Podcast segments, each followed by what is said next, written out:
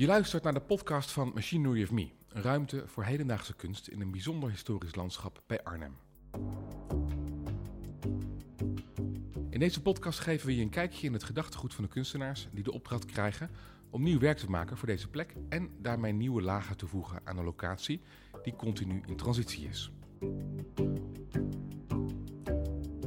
In de aflevering van vandaag hoor je mijn gesprek met Madelon Hoijkaas. Ze is beeldend kunstenaar, fotograaf en filmmaker. En heeft in de afgelopen decennia wereldwijd geëxposeerd in grote musea als het MoMA in New York, Tate Gallery in Londen en het Stedelijk in Amsterdam. In de tentoonstelling Wheel of Life, hier in Arnhem, legt ze een verband tussen vleermuizen en de plek waar Machinery of Me is gevestigd. Madelon Hoijkaas, hartelijk welkom. Dankjewel. Jij dacht natuurlijk, de wereld verkeert de afgelopen twee jaar in chaos en transitie. Laat ik eens een kunstzinnig portret maken van de vermoedelijke aanstichter daarvan, de vleermuis. Nou, dat was dus helemaal niet mijn uitgangspunt. Niet? Nou, wat was het, wat was het uitgangspunt wel? Nou, ik ben op bezoek gekomen hier bij de Machinery of Me, op uitnodiging. En ik ben dus gaan lopen in de omgeving. En Gewoon eens een wandeling maken door het bos. Ja, een wandeling door het bos. En daar zag ik dus ehm, op de bomen kleine platte huisjes van hout. en toen vroeg ik dus van, eh, waar- waarom zijn die daar? En toen bleek dus dat het kleine huisjes voor de vleermuizen zijn. Je maakte een wandeling met de twee curatoren, denk ik. Ja, Ja, nou met één, maar goed. Ja. En, ehm, eh, en toen vroeg ik me dus af waarom. En toen bleek dus op deze plek, die, eh, deze historische plek, zijn ze dus veel aan het verbouwen. En daar de, door die verbouwing zijn dus vleermuizen eigenlijk verjaagd. En dat zijn beschermen, het is een beschermd di- eh, zoogdier. Dus daar moest dus andere kleine huisjes voor eh, worden geregeld. Dus dat intrigeerde mij enorm. Want de, ten eerste ook omdat een vleermuis, die, ehm, die kan dus zijn insecten, zijn prooien ehm, eh, eh, vinden door, door middel van geluid. ja. En eh, dat vond ik dus heel, heel erg fascinerend. Wat En- fascineerde je daar zo in? nou, ik, ik werk, mijn onderwerpen zijn ook vaak eh, eh, onzichtbaar. En geluid is dus ook een van de dingen die onzichtbaar is. En dat wil ik dan dus zichtbaar, hoorbaar maken ehm, eh, door middel van een project, eh, een, een beeldend Dat is kunstproject. iets voor jou ook, ook leuk om je intellectuele klauwen in te zetten. Dat je denkt van, ik, dat ga ik dan zichtbaar maken.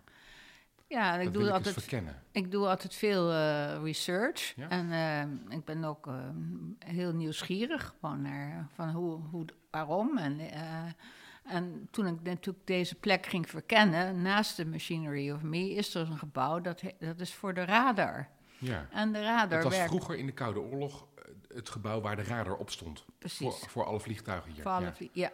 En eh, nou ja, de radar werkt dus in hetzelfde principe. Eh, de, is het dus ook Als de vleermuis. Als de vleermuis. Ik, ik- ja, dus dat, dat dacht ik, nou, dan maakte ik gelijk natuurlijk een connectie. Eh, dus dus twee, twee dingen die op de- dit terrein gebeuren. En daar dus dan iets mee te gaan doen. 1 en 1 is 3 dan, in dat geval. Goed, dus Ja. dan ontstaat dan dat idee. Ja, en dan? Ja dan ga ik dus eh, eh, onderzoek eh, doen Ja, over de vleermuis. De bibliotheek ja, dus hebt van alles bekijken. En ik heb dus ook het geluk gehad dat op dit terrein een ecoloog woont, Jan ten Hopen. En die is gespe- gespecialiseerd in vleermuizen. Dus daar, daar heb ik ontmoeting mee gehad. En we zijn samen zijn we hier in de omgeving rond gaan lopen. Samen met ook ehm, eh, een speciale ehm, manier om eh, de geluiden van de vleermuizen op te nemen. Want dit kunnen de menselijke oren kunnen dat dus niet horen. Mhm. Dus dat maakt het ook natuurlijk Interessant. fascinerend Ja. natuurlijk. Maar hoe heb je dat opgenomen dan, als je dat niet kunt horen? Met een speciale eh, eh, ma- machine die Jan ten Hopen dus ook had. En verder heb ik ook dan research gedaan over allerlei eh, wetenschappelijke manieren waar, hoe ze dus dat onderzocht hebben, hoe de, hoe de vleerbuis dus, eh, dus eh, ja, te werk gaat. Dat is allemaal in laboratoriums gedaan. En daar heb ik dan ook wat materiaal, of, dus uh, videomateriaal kunnen vinden en ook geluidsmateriaal. En zo is het, zo is het um, project begonnen. Ik begon nog eventjes net over, over dat wat er in China is gebeurd met de vleermuizen. Was dat nog überhaupt een aanleiding of gewoon echt helemaal niet? Nee, maar... Of was het een aardige bijkomstigheid misschien? Ja, nou ja, kijk, het is vaak uh, in, mijn, in de projecten die ik dus initieer... dat het dus eigenlijk een soort toekomstvisie is... Um, die ik dan op dat moment natuurlijk niet weet. Maar. Um, je zit gewoon uh, tegen de tijd aan. In ja, dat opzicht. en uh, nou ja, want dit project is natuurlijk al ge, ge, begonnen voor de COVID-pandemie. Uh, dus, maar ja, toen, toen natuurlijk ook dat naar voren kwam, dacht ik van, hè, hoe kan dat? Waarom hmm. ben ik nou, nou dat, dat, dat dier genomen als het onderwerp van mijn werk? Ja. Dan is de researchfase voorbij en dan ga je maken. Wat heb je gemaakt? Het is een grote installatie. Ja, nou, het, uh, het idee was dan dus, uh, wat, welke vorm zou ik dus dan nemen? Er zijn hier twee ruimtes. Ja. Eén grote ruimte, hoge ruimte ook, uh, wat vroeger voor de stookolie was. En een kleinere ruimte waar dus een munitie werd opgeslagen. En toen voor de grotere ruimte wilde ik in ieder geval een, uh, een soundscape maken. Uh, dat, en, maar toen heb ik nagedacht over de installatie. En ik heb dus al uh, in mijn carrière heel veel met wat we nu noemen de moving image gewerkt. Dus eerst um, met film en dadelijk met video. En toen wilde ik eigenlijk teruggaan naar de, het begin van de cinema. Begin, nog, nog verder terug. Ja. Nog verder terug. En daar heb ik toen ook onderzoek over gedaan. Heb ik uiteindelijk dus, um, ben, kwam ik dus bij uh, de zootroop. En, de zo en dat is dus een... Um, ik had er nog nooit van gehoord. Nee? Een zootroop. Nee. Het kan aan mij liggen. Nou ja, het, het is dus eigenlijk... Uh, um, ongeveer in 1860 kwamen dus... Toen was al de fotografie al, was al ontdekt, om het maar zo te noemen... Maar we wilden dus ook graag uh, beelden hebben die dus zouden, uh, bewegende beelden. En daar is toen een heleboel onderzoek over gedaan. En toen kwam dus het idee, de, uh, kwam het dus uit dat je, als je dus een aantal beelden na elkaar zou zien, je hersenen zien dat dan, dan zie je eigenlijk, wordt in de hersenen het idee van de beweging. Nou, daar zijn dan allerlei verschillende uh, soort machines uh, voor gemaakt. En deze, de vorm die ik dus hier gekozen heb, is dus een, uh, een ronde cirkel met twaalf splees erin. En, en daarin zijn twaalf beelden, in dit geval van een stilbeelden, dus van een vleermuis. Um, en het woord zootroop, dat komt dus ook, want de eerste de eerste soort. Um, uh, moving images. Ja, ja, moving images. Dus het eerste wat, wat ze gebruikt hebben waren dus van, die, van dieren, van een paard en zo. oh. En daarom hebben ze het dus zootroop genomen, want zo komt van zoological, dus betekent dier. En troop betekent beweging. Dus toen, nou ja, toen heb ik dus die eerste beelden ook allemaal gezien. Dus toen kwam het dus het idee om dus de beelden van de vleermuis te gebruiken. Was dat al eens eerder gedaan? Nee, nee zover ik weet niet. He, dus, dus vandaar dat het dus... Um, nou ja, dus die combinatie van, de, van dus, uh, de zootroop, een grote installatie, dus een groot werk eigenlijk, van drie meter doorsnee, die dan gaat draaien en daarna met het licht aan. Dus dan, dan, dan sta je daar. Als je, dus best dat je niet beweegt, want wat, wat voor je staat beweegt. En dan uh, ervaar je dus in de hersenen die beweging. En dat is ook precies wat er gebeurt als je daar staat, is mijn ervaring in elk geval.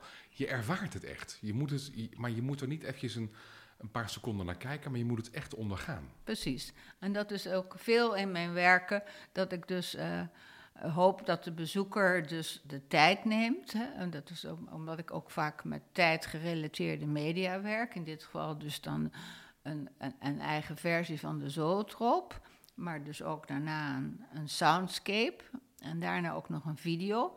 Dus het is... Uh, Wat is het tijdsaspect hierbij dan? Het tijdsaspect is dat je dus. Uh, de, de zoetroop die, die draait dus ongeveer twee minuten. En dan gaat het licht uit. En dan net in de overgang begint er dus een soundscape. En de soundscape die draait dus ook rond in de ruimte. Dus Begrijp ik, maar je zegt van ja. met werk heeft vaak ook met tijd te maken. Ja, nou ja, als ik dus een film maak, is het dus tijdgerelateerd. Als je, de begin, als je maar een stukje van de film zou zien, of de video, dan, uh, dan, dan heb je hem dus heb je maar een deel. En als je maar een, een, stukje, een stukje van de soundscape hoort, dan heb je dus ook niet de hele ervaring die ik dus hoop te creëren. Ja. Had je er eigenlijk eerder al mee gewerkt met de zooptrap? Nee, dit is de eerste keer. Het Was het echt... een grote wens van je, al heel lang? Of? Nee, nee, maar... Het kwam op je pad zo? Nou ja, uiteindelijk uh, toen ik weer terugging in mijn archief en zo... kwam ik wel al ideeën over die zootrop terug. Dus het was al eerder wel een... Ja, het was al eerder al... Uh, ja, kijk, als je dus werkt met uh, bewegend beeld... Mm. dan, is, ja, dan ga je ook vaak terug van... ja, hoe is dat ontstaan en alles... Dus dat, ja, dat fascineerde mij al van, van die. Maar ik heb nooit de mogelijkheid gehad om zo'n groot werk te kunnen maken, eigenlijk.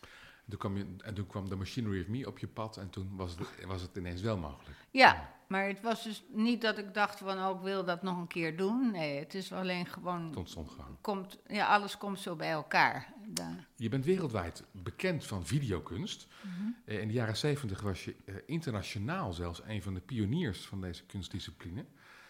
Um, hoe verhoudt de zootroop zich daartoe? Nou, dus, ja, de zootroop was dus eigenlijk uh, in, in, ongeveer in 1860, 70 was het een soort kermisattractie. Want niemand wist eigenlijk van, ja, hoe kan ik beweging zien? En toen kwam natuurlijk film. Echt een kermisattractie? Ja. Dus, dus, hier betaalden mensen voor ja, om dan in een paar seconden een paard te kunnen zien galopperen? Ja, precies. Ja. betaalde dan een dubbeltje een cent voor? Ja, ja. Ah. Uh, en nou ja, daarna kwam natuurlijk de film. En, uh, en, om echt een vloeiende beweging te krijgen, moest, uh, dan heb je dus 24 beeldjes nodig. Maar dat wisten ze in het begin ook niet. Het was vaak 18 beeldjes. Toen was dus de stomme film. En daarna om te kijken of je dan ook geluid erbij moest, moest het dus precies 24 beeldjes per seconde zijn. En om ook dus synchroon geluid te hebben. Nou, dus nou, dat was het begin van de, van de uh, film. En ik ben dus uh, ook begonnen met films te maken. Maar daar, uh, ja, film is natuurlijk ook een analoog medium. De, daarbij bedoel ik dus dat je dus echt ook de beelden kan zien. Tot daar, op die grote zwarte stroken? Op die stroken, ja. ja. En, um, maar toen video kwam, dat is eigenlijk net als met um, geluid, dat je werk je dus worden het geluid of de video wordt op een magnetische tape uh, opgenomen. En uh, dat betekende dus dat je, veel, dat je dus het op, op kon nemen en gelijk ook af kon spelen. Dat was natuurlijk uniek. Dat kunnen we nou dus nauwelijks bedenken met de digitale wereld die we hebben. En uh, daardoor was ik dus ook heel geïnteresseerd bij me, als je met, met de, om, want ik had daarvoor ook met Polaroid gewerkt, dat je, met sequences, dat je dus, je ziet het beeld wat je hebt gemaakt en daarop kan je reageren. Of de, persoon kan op reageren. En dat kan dus met video dus ook. Dat je een live beeld hebt, dus een camera die dus direct laat zien wat er gebeurt, in combinatie met van, voor, van tevoren opgenomen beelden. En ook vaak uh, met um, foto's erbij.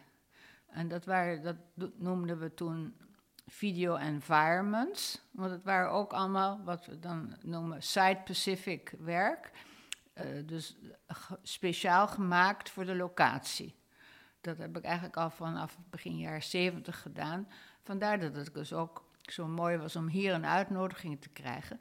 Omdat ik eigenlijk altijd liefst werk met de plek. Uh, en daar, dus de geografische plek, maar ook de betekenis van de plek. Wat bijzonder, dat we dan dus niet alleen uh, werken met de kwaliteit inderdaad van de vleermuis, maar dat we ook een inkijkje krijgen uh, in een tijd waarin Netflix hoog spel viert, maar naar waar het allemaal begonnen is met bewegend beeld. Ja, dat wil ik dus ook graag dat dat de bezoeker dat ervaart. Ja. En dat, ja, dat, Waar lag voor jou als kunstenaar de uitdaging hier? Wat vond je eh, nou echt interessant om, om voor jezelf ook te leren? Nou, ten eerste natuurlijk de research. Ja. Hè, om te weten dat het een zoogdier is en hoe dat allemaal. Hè, he- heel veel informatie dat je dan krijgt. En dat je dat daarna weer om gaat zetten in een, in een eh, beeldend werk. Maar dat, dat, dat doe je al je hele leven. Ja, maar dus, goed. waar, dus waar lag de uitdaging voor je? De uitdaging, nou ja, ook om dit, om de, eh, dit werk te kunnen realiseren. Want dat is natuurlijk. eh, ik Was het kan moeilijk? ik, eh, nou, het is behoorlijk ingewikkeld om dat te doen. En ik heb dus heel, heel veel goede hulp gehad van mensen die ik dus via de machinerie heb kunnen vinden. De makers die Ja. het uiteindelijk gemaakt Ja, hebben. de- nou ja, die hebben dus, het ontwerp heb ik dus samen met hun gemaakt. Maar dan wordt het dus uitgevoerd. En, en eh, daar ben, dat, dat heb ik natuurlijk, normaal doe ik dat ook al met andere grote sculpturen, meer voor de openbare ruimte of wat dan ook. Werk ik altijd natuurlijk met andere mensen samen. Ik ben dus niet, eh, ik maak dus wel de videobeelden en de geluidsopnamen, maar, maar zo'n grote installatie zoals dit, dat maak ik niet fysiek. Dat Hebben gaat- ze het goed gemaakt? Fantastisch. Ja? Ja? Ben je er tevreden over nog steeds? Ah, heel Ja? erg goed, ja. Goed. Super. Wat, wat ik me kan voorstellen wat lastig is, Ja. maar je moet me maar corrigeren als het niet zo is, dat je maar twaalf beelden tot je beschikking hebt. Oh, maar nee, dat vind ik helemaal niet. Maar eh, absoluut niet. Want je kan dus door die twaalf beelden, dat is mijn keuze ook geweest. En dat zijn, dat zijn eh, wetenschappelijke beelden. Van een vliegende, vleermuis, ja. van een vliegende zilver. Die ik dus eh, eigenlijk uit elkaar gehaald heb, om maar zo te zeggen. Dus stilfoto's daarvan. Eh, en die dan weer gaan leven, bij wijze van spreken. En eh, Dus dat vond je geen beperking? Absoluut om- geen beperking, nee. Om, nee. om- maar met die... Oh nee. Ehm, wat ik begreep is dat je in het buitenland veel bekender bent met je videokunst dan hier in Nederland. Mhm. Eh, wat zegt dat eigenlijk over het Nederlandse kunstlandschap? Ja, Je kijkt, je kijkt meteen heel vertwijfeld. ja. Nou ja, ehm, eh, ik heb eigenlijk eh, van het begin af aan... Ik heb eerst ook heel lang samengewerkt met de Schotse kunstenaars Elsa Stansfield. Dus ik werkte ook ik werkte in Amsterdam en in, in de Londen. En daarvoor heb ik dus ook gewoond in Parijs, New York, Tokio, Brussel, et cetera. Dus ik ben eigenlijk altijd al internationaal bezig geweest en gewerkt. Dus daardoor had ik ook ehm, hier eh, de contacten in die landen. En in, in Nederland ehm, ja, is, het is het vaak zo van... Ik herinner me de eerste werken die we dus maakten met video... Waar, was voor de Appel, dat is een bekende kunstinstelling in ehm, Amsterdam... Maar die nodigden ons uit nadat we een werk hadden gemaakt in de Whitechapel Art Gallery in Londen. Het is vaak zo in, eh, in Nederland, voel ik, dat, dat ze het eerst moet in het buitenland. Moet het eigenlijk een soort eh, goedgekeurd worden, of je wordt er uitgenodigd, voordat ze realiseren van dat het, dus, dat het ook belangrijk is om het misschien in Nederland te Maar laten nou zien. is het goedgekeurd bij hele grote musea Ja. eh, in de wereld. Ja. Het MoMA, eh, et- et cetera. En Ja. dan nog ben je daar bekender dan hier in Nederland. Nog een keer de vraag. Wat zegt dat over het Nederlandse kunstlandschap? Ja, nou ja, ik vind het zelf niet, ik weet het niet. Eh, ik, ik ben dus niet zo. Vind je het ik, jammer? Ik voel mezelf niet zo echt zo'n Nederlands überhaupt. Dus ik, ik werk, ik voel me meer internationaal. Dus ja, Het is ook wel prima dan misschien. ja. Ehm, het werk wat je hebt gedaan is een onderzoek eh, ja, ook naar natuur en natuurkrachten en natuurfenomenen. Waar in jouw leven begon eh, je nieuwsgierigheid naar de natuur? Ik ben in Rotterdam opgegroeid. En dan, eh, maar daar heb, je niet heel, hè? daar heb je niet heel veel natuur misschien. Nee, maar waar ik dan naartoe ging was de haven. En, dan, dan, en dan, dat was misschien voor mij de soort natuur. De plantjes tussen de stenen of Nee, de- het water. De het water, water. eh, Dat, eh, ja, dat, dat open, de openheid daarvan. En wat, wat, wat fascineerde je daar zo in, in dat water, in de natuur die Nou, je daar zag? eigenlijk is het, was het meer dat ik eh, ooit op zo'n grote oceaan, eh, schip, stomer, ehm, eh, ehm, de, de wereld wilde verkennen. en dat, heb ik ook gedaan. Dus, dus, maar de, de meeste ervaring in de natuur was uh, in Canada. Ja. Dat heb ik daar kunnen ervaren. Want, wat heb je daar ervaren? Nou ja, daar, daar heb ik dus uh, veel werken kunnen maken, maar ook kunnen reizen. Wat heeft dat met je gedaan als kunstenaar? Als kunstenaar heeft het, het me natuurlijk een, uh, een, een, extra dimensie gegeven om, uh, om te kijken van, ja, hoe is het in de wereld en hoe staan we tegenover de wereld om ons heen. En hoe is dat? Nou, dat is natuurlijk iets wat niet vaststelt, maar het verandert constant. Ja? Maar, Welke ontwikkeling heb je daarin gezien? Nou ik denk de, de, die ontwikkelingen die ik heb gezien in mijn leven is toch wel een zekere bewustwording van, uh, van hoe we gaan we om met die natuur. Je bent al sinds uh, jaren zeventig bezig. Ja. Je zou kunnen zeggen dat we steeds verder verwijderd zijn geraakt van de natuur, maar jij ziet het omgekeerde. Ja, nou, ik, ik hoop dus in mijn werk ook uh, vaak uh, uh, die bewustwording te creëren. Dus, maar ja, dat, je kan dus zeggen, nou, nu wordt er enorm over dat klimaat gesproken. Maar ik bedoel, van, van, van het. Um, in Rome, dat, het Rome... De Club van Rome, jaren 70, ja? Ja, ja nou ja, dat was toen al wat, dat we dachten van... hé, hey, wat is er aan de hand? Ja. Maar alleen dat is niet zo bewust geworden in het de hele wereld. De, de, kritiek is juist dat er te weinig is gebeurd sinds Absoluut. die tijd. Niet dat er zoveel bewustzijn is gekomen. Ja, nou ja, maar goed, door de, door de, vaak door de kunsten, door, ik heb ook vrij veel geschreven... Uh, probeer je daar dus niet, niet als activist of politiek, maar indirect... Daar, uh, een bijdrage toch, aan te leveren. Ja, ja, precies. Dit werk wat je hier gemaakt hebt, want je bent al lang bezig... wat heeft dit werk jou geleerd? Ah. Wat heb jij geleerd van dit werk? Nou, ik heb ervan geleerd, ten eerste, het is om zo'n groot um, uh, werk te kunnen maken. Een, een dat bedoel ik dan met de zootroop. Dus, de, de, techniek, ja? Ja, de techniek, maar ook uh, om het zo uitgevoerd te krijgen dat het dus dat het werkt, hè, dat het overkomt. Uh, en dan de, de, de soundscape die, heb, die ik gemaakt heb, dat is voor mij ook heel nieuw. Om dus een heel nieuw werk te maken wat rond, uh, het geluid draait rond. En dan is er dus de, de video resonance.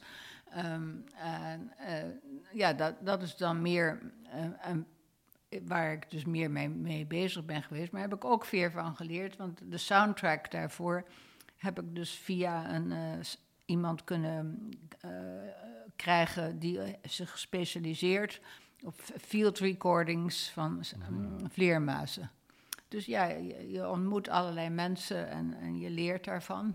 En die, die mooie kruisbestuiving weer. Ja. Ik vroeg een van de twee curatoren, Maarten Verwij, om een kleine reflectie op jouw werk. En dit is wat hij zei. We herontdekken deze locatie eigenlijk steeds vanuit verschillende perspectieven. En uh, door kunstenaars ook met verschillende achtergronden naar de plek te laten kijken. Um, Madelon observeert op een heel eigen wijze. En ik vind het ook heel verrijkend om via haar blik uh, mee te kijken en, en te luisteren. Um, en ik vroeg me dan af in hoeverre die blik hier is uh, gevormd in haar, tijdens haar oeuvre, tijdens, de, tijdens haar reizen in het buitenland. Um, en, uh, want ik zie wel bepaalde manieren van kijken die geïnspireerd zijn door plekken of dingen die ze heeft meegemaakt op andere locaties. En die sijpelen hier weer door. En ik ben heel benieuwd um, hoe, ja, hoe die verbindingen hier tot stand komen. Over welke plekken heeft hij het, Madelon? Nou ja, ik, um, ik heb dus veel uh, in Japan ben ik geweest. een aantal keren. Um, ook veel in Canada. dat zijn echt en, en, vele Aziatische landen. Vietnam, Indonesië, Thailand, Nepal, Myanmar. Dus de hele regio. Ja. Wat ik heb begrepen is dat jouw werk, maar ook je leven, steeds meer beïnvloed is ook door het zen-boeddhisme. Klopt dat? Ja, dat, dat klopt zeker. Op ja, welke ja. manier? Nou ja, ik, ik, toen ik in Amerika woonde, daar, en dat is, spreek van 1968, 69. Ehm, De beroemde jaren. de beroemde Ah. jaren, ja precies. Ehm, eh, kwam ik eh, echt bij, bij toeval eh, in contact toen ik in, eh, in, in San Francisco was.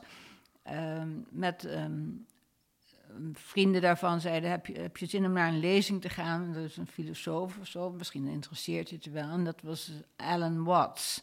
En Alan Watts was dus eigenlijk Een filosoof. Ja. Ja, Alan Watts, oké.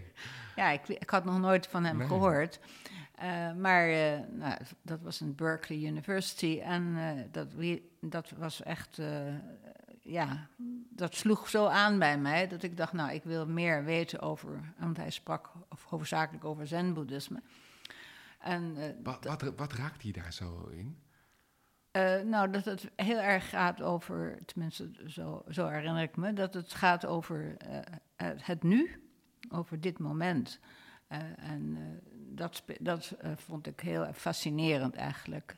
Want, en het eh, boeddhisme is natuurlijk eh, aan de westkust van, westkust van ehm, Amerika, van de Verenigde Staten, uit Japan gekomen.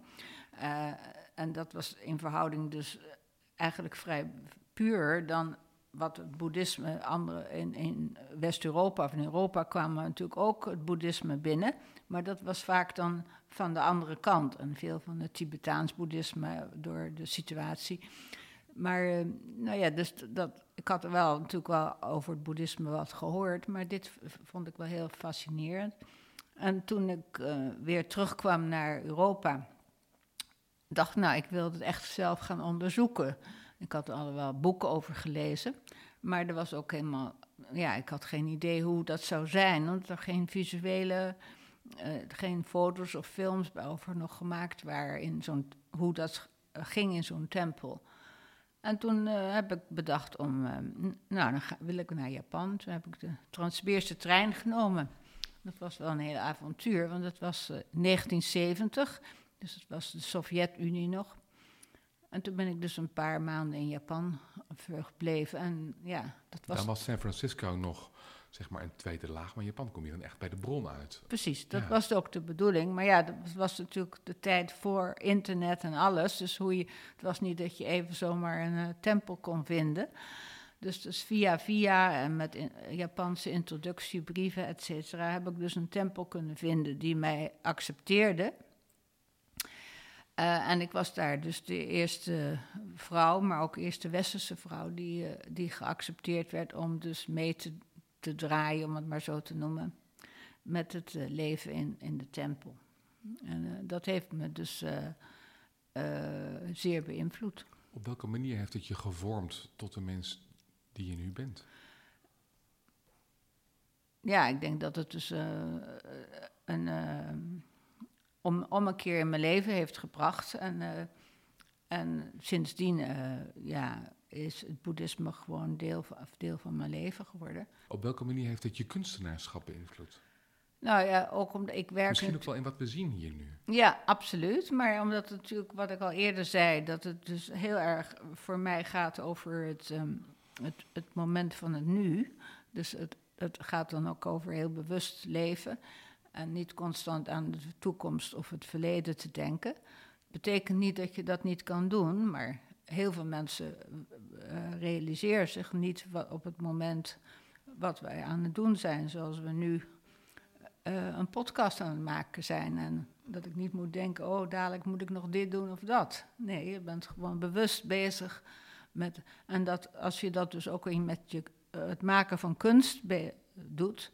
En het ho- ho- hoopt over te brengen naar de bezoeker. Want dat is het allerbelangrijkste voor mij. Ik maak geen kunst voor mezelf, ik maak het voor de ander. Je bent van het bouwjaar eh, 1942. Eh, ik wil geen zin zeggen dat je oud bent, maar je hebt al wel wat meer geschiedenis eh, achter je. Heb je het idee dat de verhalen die je vertelt eh, met het verstrijken van de jaren ook rijker worden door het geleefde leven? Nou, dat hoop ik dus te doen door, door mijn kunst. eh, Ja. en, ehm, en ook doordat ik eh, ook, ook schrijf. Eh, dus dat zijn eh, twee combinaties van de dingen. En ja, ik denk niet of, of het nou de, of, of rijker zou worden. Dat zou ik niet zo direct zeggen. Maar door mijn ervaring. ik mag hopen dat als je meer ervaren hebt, Ja. dat je een rijkere ervaring hebt en dat je, Oh, dat oh, je mensen kunt verrijken. Oh, zo bedoel je het. Ja, ja. Nee, dat is zeker zo. Door, de, door je ervaring kan je dus, denk ik, ook het werk wat ik nu heb gemaakt, is, ja, zou ik dus 20, 30 jaar geleden niet hebben kunnen maken. Dus dat, dat ben ik met je eens. En ook de manier waarop je het dus opstelt, hoe je omgaat met de mensen waar je het, het werk mee maakt. Maar je hoopt dan ook natuurlijk dat de beschouwer ook eh, eh, de mogelijkheid heeft om tijd te ervaren en de verschillende lagen die in, het werk, in de werken zitten eh, kunnen ontdekken. Madelon Hooikaas, hartelijk dank. Dankjewel. Jij ook bedankt.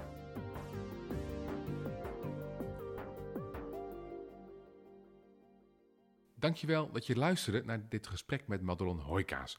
Heb je het werk nog niet gezien, dan heb je daar tot 19 december de tijd voor. En heb je het gemist, dan staan er op onze website prachtige foto's voor een impressie. Als je op de hoogte wil blijven, abonneer je dan in je favoriete podcast-app of abonneer je op onze e-mail nieuwsbrief via de site van Machinery of Me.